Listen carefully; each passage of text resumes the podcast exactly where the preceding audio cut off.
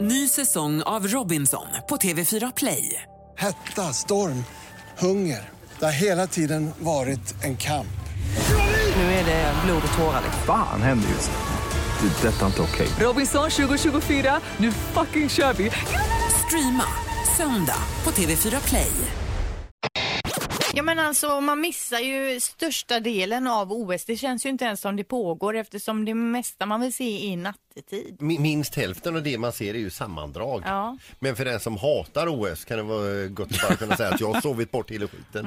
Ja. Ja, jo så är det kanske. Kollar du mycket på OS? ja, det gör jag faktiskt. Oj, oh, förlåt. Ja. Jag skulle vilja lyfta fram han eh, Håkan Dalby alltså. Han Skytten, eh, precis. skidskytten höll jag på att säga, men ledurskytten. eh, Som igår hade tandvärk, njurstensanfall och ont i ryggen och ändå tävlade i... i Men det var han alltså som så- var med i Let's Dance också va? Ja, men det gick inte så bra för han. Han grät också eh, sen när han hälsade hem till sin familj och grät. Alltså det är tufft för pappa idag sa han och grät. Ja, nej, det var ju fel dag att bli sådär Ja. dålig på. Det var det, i allra Ja, det var högsta det grad. faktiskt. Jag är ju besviken över fotbollsturneringen eh, som spelas där borta. Det, det pratas ju jättemycket om det och vi har kunnat kolla och det ena med det andra. Vi ska ju säga att det är U21-landslaget. Ja, men precis. Det är just det. Man, man, eh, det känns inte som att det är ett landslag som har tävlat där borta. Vi, till att börja med då så, så är det ju ett U21-landslag som Peter säger. Det är inte de allra bästa som det är i VM och EM och grejer, utan det är åldersreglerat. Men man skulle också kunna tro då att när det ändå är landslag att alla som är, är berättigade att vara med där Mm. skulle stå på kö. Ja, och det kanske de gör, men klubbarna säger nej för att det här är inte eh, accepterat av Fifa. Eller, så, så att man, får liksom inte, man stänger inte ner några ligor för den här. Och det här har gjort då att Sveriges landslag, bara Sveriges landslag, har ju fått 52 nej innan de åkte iväg dit. Alltså 52 spelare som har fått frågan, ska du med till OS och lira boll?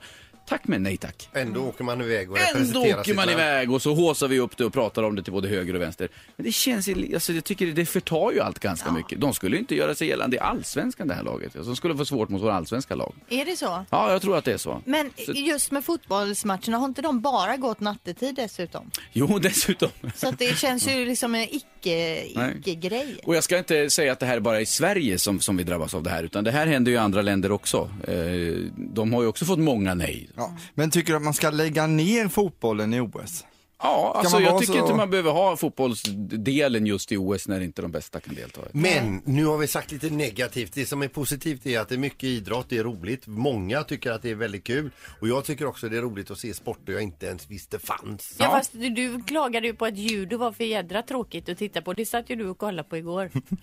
och igår snackade vi om dressyr till exempel Ja, också. det är inte kul att kolla på. Jättetråkigt. Jo men alltså allt som du, där du inte fattar vad det är som händer. Ja. Varför vann den här människan nu?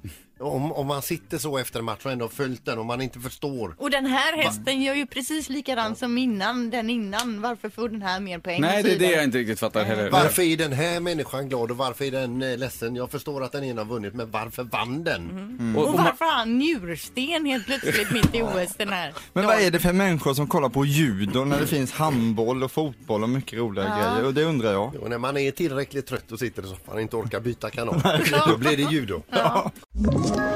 Ett poddtips från Podplay. I podden Något Kaiko garanterar östgötarna Brutti och jag, Davva, dig en stor dos skratt. Där följer jag pladask för köttätandet igen. Man är lite som en jävla vampyr. Man har fått lite blodsmak och då måste man ha mer. Udda spaningar, fängslande anekdoter och en och annan arg rant. Jag måste ha mitt kaffe på morgonen för annars är jag ingen trevlig människa. Då är du ingen trevlig människa, punkt. Något Kaiko, hör du på Podplay. Därför arkadeinerna.